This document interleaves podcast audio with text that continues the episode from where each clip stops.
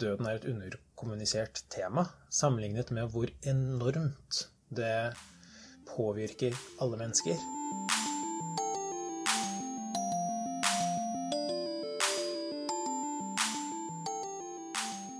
Hei og velkommen til Sykepleiens podkast, som i dag handler om døden.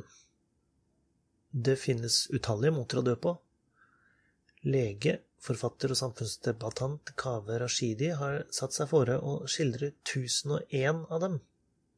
For noen uker siden så lanserte han nemlig bloggen 1001liv.com, der han hver søndag publiserer en tekst om et dødsfall. Det kan være en stille og forventet død etter langvarig sykdom, det kan være en brå og uventet død, ensom død, selvvalgt død og død før livet egentlig har begynt. I sommer så hadde Rashidi også en kronikk på trykk i Aftenposten med tittelen Snakk om døden. Sykepleien tok ham på ordet, inviterte ham til en dødsprat og startet like godt samtalen med å spørre om hvordan han selv ønsker å dø når den tid kommer. Jeg vil nok dø uforventa, bare tvert, brått. Ingen advarsel. Gjerne når jeg sover. Unngå mange dager, uker, måneder med veldig, veldig dårlig funksjon. Jeg tenker at det er godt å leve så lenge kroppen og huet funker, men at hvis det ikke er noe håp, eh, og jeg uansett kommer til å ha en lang periode hvor enten kroppen eller hodet ikke henger med, så tror jeg ikke at jeg ville sette så stor pris på det. Det være seg om det er en alvorlig demenslidelse eller alvorlig fysisk sykdom, så tror jeg nok jeg har lyst til å dø så brått som mulig når den dag kommer. Eh, og du eh, har informert dine nærmeste om hvordan du vil de skal håndtere spørsmål knyttet til din død? Ja, det er jo samboeren min, da, min nærmeste pårørende, som vet disse tingene. Som vet at jeg vil ha organene mine donert. Det er ofte greit å ha det helt konkret hos nærmeste pårørende, i tillegg til et donasjonskort. Eh, og som vet at hvis jeg kommer i en setting hvor man må velge mellom tærende, livsforlengende behandling, respirator og manglende positive utsikter, men der man bare blir holdt i live av rene formaliteter, så, så, ønsker jeg ikke det. Da kan jeg like gjerne bare slippe taket så fort som mulig. 4. august så hadde du en kronikk i Aftenposten. Mm. Eh, 'Snakk om døden'. Mm. Det virker jo som det er ganske mye om død i mm. media. Ja. Eh, men hva er det vi ikke snakker om? Nei, Vi snakker jo gjerne om døden etter at folk har dødd. Gjerne når kjendiser har dødd. Og vi snakker om døden i en setting som er fjern fra vår egen hverdag. Men de færreste snakker om sin egen død og sine egne tanker omkring slutten av livet før de faktisk er i nærheten av døden. Det vil si den tiden man typisk tar en sånn samtale. Selv i beste fall, hvis dine besteforeldre dør 90 år gamle, så tar man jo den samtalen når de er på dødsleiet. Det er det jeg mener er for sent. I beste fall får man da ubehagelige samtaler, tunge, vanskelige samtaler. Mens hvis man tar de samtalene tidligere i livet, når døden er langt, langt unna, hvor man snakker på et si mer eh, rasjonelt grunnlag, og ikke på grunnlag av frykt for døden eller frykt for ting som vil skje etter døden, så tror jeg man kan få både bedre samtaler ut av det og litt tydeligere svar. Det er jo ikke det letteste temaet å komme inn på over familiemiddagen. Nei, det er ikke det. Det er akkurat det jeg etterlyser. At det burde vært mye enklere å komme inn på det. Det er en tabu, utvilsomt, som vi tror som samfunn at vi har kommet oss forbi. Men i praksis så er det jo de færreste som egentlig vet så mye om hvordan de ønsker å eh, behandle sine nærmeste hvis de skulle bli alvorlig syke brått og ikke kunne snakke for seg selv. Samme... Har, du kommer også med konkrete tips om hvordan man kan komme inn på ja, den samtalen? Det er jo ikke verre enn å si at man har uh, lest en kronikk, eller at man har uh, hørt denne podkasten, og at det fikk en til å tenke litt da, over døden og hva man ønsker. Uh, eller koble det på nettopp disse medieoverskriftene omkring kjente mennesker som dør. Det skjer jo stadig støtt at relativt unge, profilerte mennesker dør. Og der også så ser man jo spesielt blant unge at det er ofte vanskeligere å håndtere den sorgen for de gjenværende, nettopp fordi mye av sorgen blir overdøvet av praktiske problemer. Hvordan skal vi ordne begravelsen? Hva hadde han eller hun villet? Sånne ting burde man strengt tatt ha orden på i forkant, lenge før noe skjer. Nå har du startet for noen uker siden Mm. en blogg som heter 1001 liv. Ja. Som handler om død. Mm. Eh, hvor eh, hvert blogginnlegg tar for seg eh, et dødsfall. Mm. Hvorfor har du startet på den? Nei, det er nettopp fordi jeg mener at døden er et underkommunisert tema, sammenlignet med hvor enormt det påvirker alle mennesker, og hvor uunngåelig del av livet vårt det er, så skyver vi det veldig, veldig vekk. Andre typiske lignende tema, som ja, si sex eksempel, det snakker man om. Vi vet at det opptar alle sammen, og det er overalt rundt oss. Mm, Sikkert fordi det er lystbetont, og døden er knytta til mye sorg og negative følelser. Men akkurat den sorgen og de negative følelsene blir jo enklere hvis man er forberedt på det. Eh, Så hver søndag så deler jeg en tekst på 1001liv.com om et dødsfall.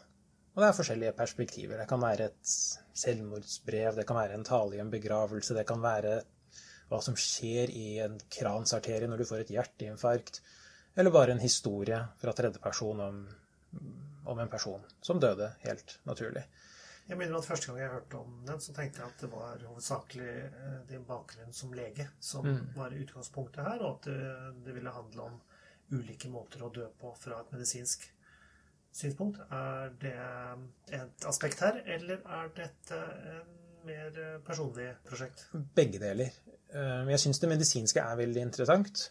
Eh, Både syns jeg det er interessant når folk velger å ta sitt eget liv, hvilke mekanismer som spiller inn, og eh, hva som foregår rent psykisk i øyeblikkene før, eller i lengre perioder før, for den saks skyld. Jeg syns de fysiske årsakene til at vi dør, også er interessante. Til syvende og sist så handler jo døden om at hjernen ikke får blod. Det er alltid det som er døden, og så er det enten fordi hjertet eller lungene ikke fungerer, fordi man blir smadret av et eller annet. Um, og, og, det, og den prosessen fra at organene fungerer og klarer å gi friskt blod til hjernen, den overgangen over til at det ikke skjer, syns jeg medisinsk er interessant. Men enn så lenge, de første par ukene, så har jeg ikke vært så veldig medisinsk på disse historiene. Det har handlet først og fremst om eh, mer skjønnlitterære tekster. Jeg merker jo det hos leserne også, at det er mange tilbakemeldinger om ja, men hva var det egentlig som skjedde? Hva var diagnosen? Hvordan, hvordan skjedde det dødsfallet der egentlig? Eh, Og det har jeg jo ikke svar på. Det er jo ikke alle historiene her som handler om den faktiske medisinske årsaken til døden, så mye som de handler om ideer rundt døden. Og i skjønnlitteratur så skal man jo ikke alltid få svarene på alt. Har du fått mye tilbakemeldinger? Ja, masse. Eh, overraskende nok, holdt jeg på å si, så har det bare vært positivt. Jeg var veldig redd for at jeg kunne støte mennesker med disse historiene. Det er en historie der om en som henger seg sjøl.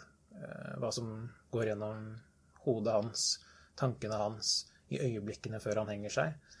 Eh, en annen historie handler om en som tar sitt eget liv fordi hun føler at hun er en dårlig mor.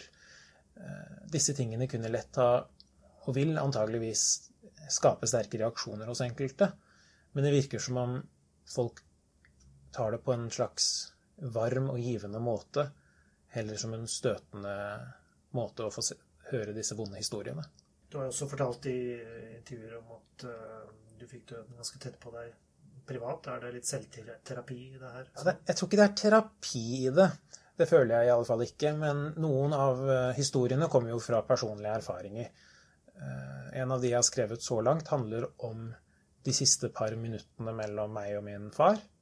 Han døde jo en veldig fredelig død, relativt ung riktignok, 60 år gammel, av kreft. Eh, Og jeg satt ved senga hans på sykehuset, eh, og vi snakket til de siste par minuttene. Og han fikk veldig god stell, masse medisiner. Han var, så vidt jeg kunne se, både rolig og fredelig. Eh, Og så sluttet han å puste. Og selve den opplevelsen av den type dødsfall syns jeg også det er viktig å kunne kommunisere om og være åpne om. Folk flest tror jeg ikke har noen anelse om hvordan det er å miste foreldrene sine inntil det slår dem i ansiktet. Enten det skjer fredelig, uforventa eller hvordan det måtte være. Blir mange avgjørelser rundt døden, for mange avgjørelser, overlatt til helsepersonell i dag? Jeg tenker at vi som helsepersonell kan og bør ta de avgjørelsene når det er det som er best for familie og den døende. Men jeg jobber jo en del med å kjøre legebil, akuttbil, og da kommer vi til en del dødsfall eller pågående dødsfall. Det være seg på et eldrehjem hvor noen får lungeødem, hjerteinfarkt, pågående hjerte-lungeredning. Og da vil døden ofte kunne gjøres på mange forskjellige måter. Det er ofte at når man dør, at man kan Eller i et mye lengre tidsperspektiv, kreftsykdom f.eks. Man kan jo få til hjemmedød hvis man ønsker det. Man kan få til sykehusdød. Og folk er så ulike på hva de ønsker. Vi kan som helsepersonell gi generelle råd og betraktninger, men vi kan jo aldri forstå den døendes subjektive ønsker. Og når den døende ikke klarer å snakke for seg selv, så er de pårørende veldig, veldig viktige brikker da, for å få lagt eh, et godt puslespill for døden for et menneske. Uten pårørende så står vi ofte på litt bar bakke og gir en slags standardbehandling for døden, men så finnes det jo ikke noen standardsvar for hvordan døden burde være for noe. Mitt inntrykk er at det største problemet blant si, sykepleiere er at rammene ikke nødvendigvis er lagt sånn at man får den tiden man trenger med pasientene. Jeg har vært på nok av sykehjem på besøk som legevaktslege, og jeg ser én sykepleier løpe opp og ned trappene mellom flere etasjer og titalls pasienter levere medisiner der, og pårørende ringer på det andre rommet. Det virker som om man er så vanvittig underbemannet i store deler av helsevesenet at jeg tror først og fremst at det er et strukturelt tiltak som må til. Ehm, mitt inntrykk er at Eller min visjon er at eh, sykepleiere skal kunne gjøre nettopp det, pleie syke. Og en del av det er å pleie de pårørende. Men i praksis har jeg et inntrykk av at flere og flere sykepleiere løper ærender Eh, fyller på dosetter, vasker opp etter en som har hatt avføring i gangen. Eh, skriver journalnotater om ja, altså bare praktiske ærender. Så tipset mitt til sykepleiere er jo bare å prøve å holde seg eh, trofast til yrkets opprinnelige verdi å pleie syke mennesker. Men det er lettere sagt enn gjort. Å jobbe på et sykehjem eller på en sykehusavdeling for den saks skyld bærer preg av å løpe fra pasient til pasient. Og så blir det til rutiner og kurver og eh, tungt skiftarbeid fremfor god tid og omsorg til hver enkelt. Du har jo en, eh, et blogginnlegg hvor en sønn eh, får spørsmål fra legen om de skal prøve eh, gjenopplivning og behandling, eller om de skal la faren dø en fredfull død. Mm.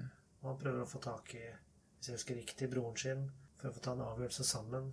Er det en reell problemstilling du har opplevd? Ja, det er en veldig vanlig problemstilling. På sykehjem så ønsker man jo at de eldre skal ha klare planer alltid for hva som skjer både hvis hjertet stanser, så er det noe vi skal ha hjerte-lungeredning for, eller skal vi la hjertet slutte å slå? I tillegg så burde jo alle eldre på sykehjem ha tydelige planer om hva som skjer hvis de får en akutt illebefinnende. Har vi lyst til å legge dette inn, behandle det intenst? Eller er det sånn at man har levd lenge nok og hatt et godt nok liv til at man har lyst på en fredelig død inne på sykehjemmet, i det kjente og vante miljøet sitt, uten for mye styr og mas med ambulanser og transport og og, og, de spørsmålene er det dessverre ikke alltid det er tydelig klarhet i. Og det er ikke fordi sykehjemmene gjør noe galt nødvendigvis, men det er fordi døden ofte kan være brå. Er man over en 70-80 år gammel, så lever man med en risiko hvert år for et brått dødsfall som er såpass høyt at man absolutt burde ha helt klare formeninger og kommunisert de til sine pårørende om hva man ønsker skal skje hvis man kommer i en situasjon hvor man kan dø. Ritualer rundt død og åpenhet rundt døden det varierer jo kraftig mellom ulike kulturer, mm. religioner og til ulike tider. Eh, er det noe du vil si kjennetegner og særpreger samtiden din her i landet når det gjelder hvordan man forholder seg til døden? Mitt inntrykk er at den eh, norske kulturen omkring død er en veldig rolig igjen. både i forkant av døden og i dødsøyeblikk, i perioden etter, så er det stillhet. Det er mye fred og ro knyttet til døden. Og det bærer jo videre frem til både hvordan man oppfører seg når man er i et begravelsesbyrå og skal velge kiste, til begravelsen, til besøkende på graven, så er det jo naturlig at den døde behandles med stille, stillhet, ettertanke eh, og en slags fred. Eh, den ser jeg jo når jeg møter fremmedkulturelle som dør brått, ikke nødvendigvis eh, er den riktige måten for dem å møte døden på det. Ja, nei, det være seg om man møter døden med mer emosjonell et sterkere emosjonelt uttrykk, skriking, gråting, klamring til den avdødes kropp, og også hvor mange man ønsker å ha til stede omkring en død. Jeg har jo sett mange dø på sykehus, og den norske kulturen føler jeg gjør at man gjerne har de aller nærmeste, kanskje en tre, fire, fem stykker, i rommet omkring den døde. Mens i andre kulturer kan det være mer normalt at storfamilie, venner, bekjente, ja, opptil titalls skal være med eh, og syne liket og, og, sitte i det rommet sammen med den avdøde. Det fins nok ikke noe riktig og galt her, det gjør det helt sikkert ikke. Og folk er forskjellige på hvilke behov de har. Men ivaretas de forskjellige behovene i helsevesenet, syns du? Er det... Ja, jeg syns det. Det, det fins absolutt rom for dem. Spesielt hvis man klarer å kommunisere det i god tid. Et veldig klassisk eksempel på dette er jo mennesker som dør av langtkommen langtkommende kreftsykdom.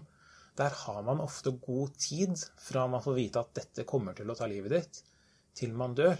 Da kan man sette opp et veldig godt støtteapparat og få det nøyaktig som man ønsker det, eh, innenfor de forferdelige rammene det alltid er å dø av kreft. Jeg har et inntrykk av at flere og flere f.eks. ønsker å dø hjemme.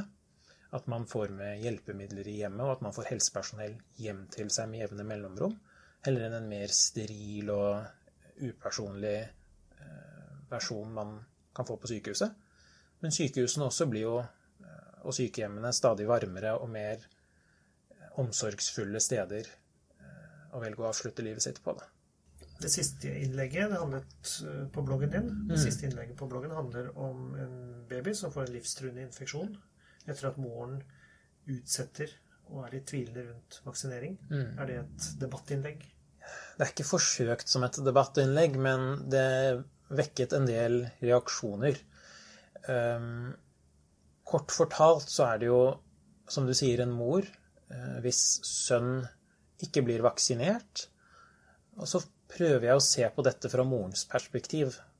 Som samfunn så har vi en tendens til å være veldig, veldig negative til mennesker som velger å ikke vaksinere barna sine. De er jo nærmest idioter. Kunnskapsløse og gjør Altså en retorikk i samfunnet om at de gjør en ondskapsfull handling mot barnet sitt. Men i denne historien så ser vi det fra morens perspektiv.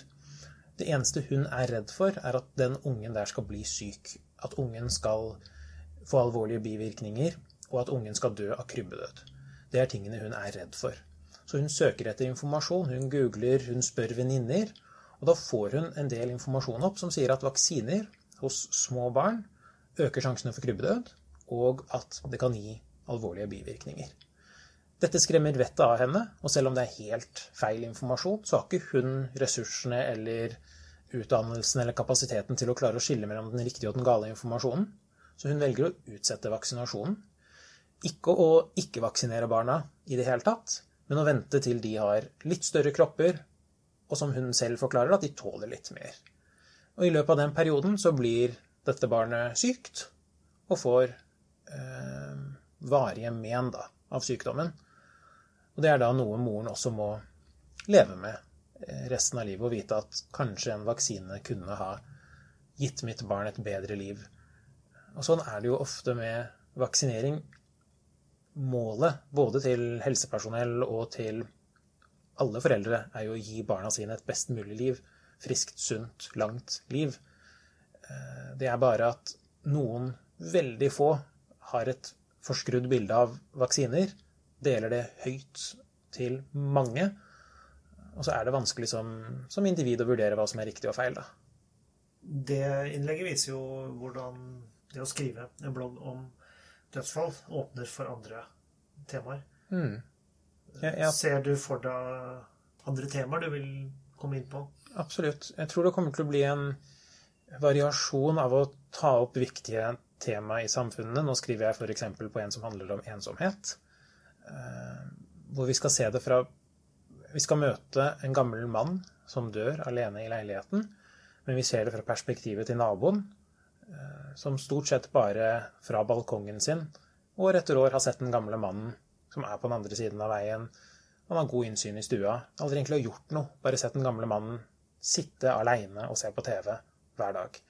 Og hvordan den ensomheten i seg sjøl kan ta livet av folk, og hvordan det er en måte å dø på som mange ikke setter pris på. Eh, klin aleine, ikke noen pårørende, ikke, noe, ikke syk nok til å ha et helsevesen som tar vare på deg. Så, så sånne tema ønsker jeg å løfte, i tillegg til døden i seg sjøl. Men så har jeg også veldig lyst til å ha medisinske ideer om døden. Jeg syns fortsatt det er veldig interessant å gå inn i hjertet til en med et hjerteinfarkt, eller å gå inn i hjernen til en som plutselig får en hjerneblødning, og forstå hvorfor skjedde det med deg i det øyeblikket du sto på tredemølla og ga alt du hadde. Hva var det som skjedde som gjorde at du døde? De er også interessante, syns jeg. Og så tror jeg nok jeg kommer til å driste meg inn på en del mer filosofiske varianter av dette. Av hva er egentlig døden? Når er det vi egentlig dør? Og ja, ideen er det nok av, i hvert fall. Så blir det ja, en ny hver uke. Dette er jo, det heter jo 1000 og 1 liv. Mm. Jeg regner på det. Hvis du skal lage en i uka og ta litt sommerferie Ja. innimellom, som du gjorde i år, så, så er du ferdig om en rundt 20 år. ja. Det er ambisiøst. Er det ambisjonen? Nei, vi får se. Det er ikke så godt å si. Eh, Det heter jo, som du sier, 1001 liv. Så det trenger jo ikke nødvendigvis å ende i et dødsfall hver eneste gang. Men jeg tror ikke det er et tak på et visst antall unike, gode historier om døden der ute. Eh, Jeg tror tvert imot at hvert eneste menneske som hører på her, har en historie om en død som har betydd mye for dem i livet, eh, og som har satt sine spor. Og at hvis de bare blir formidlet på en riktig måte, så vil de være verdifulle for andre å høre på også. Eh, Så det spørs bare om jeg lever lenge nok til å skrive 1001 historier, da. Altså Nå skriver du om døden. Ja. Du har gitt en bok om anus. Ja. Du har deltatt i Juntafils nasjonale runkekveld. Ja. Eh, Det virker som du er- oppsøker temaer som andre holder seg litt unna. ja. Er det, hva skal vi si, noe du liker? Å pirke borti tabuer, eller Det er ikke konsekvent. Jeg tror bare jeg personlig har veldig Hva skal man si? Jeg har ikke så mange tabuer. Eh, Og da blir det veldig rart for meg at folk rundt meg har det. Og det blir bare en naturlig konsekvens at jeg adresserer det. Eh, Det med Juntafil er jo et flott program for unge mennesker nettopp fordi de tar opp en del tema rundt sex som unge folk ikke snakker om. Samtidig så er sex en veldig stor del av å være et ungt menneske. Mye som kan gå riktig, og mye som kan gå feil, bare man har litt kunnskap. Um, så ja, jeg prøver vel å være en realist, tror jeg, til syvende og sist. Og rent sånn rasjonelt sett så burde vi snakke om ting som alle opplever, f.eks. sex eller døden. Det var altså Kaveh Rashidi som skriver om et nytt dødsfall hver søndag på 1001liv.com. Om du vil høre flere episoder av Sykepleiens podkast, så finner du alle sammen på våre nettsider sykepleien.no. Du finner dem via iTunes eller podbean.com eller andre steder der du finner podkaster. Jeg heter Ingvald Bergsagel. Vi høres.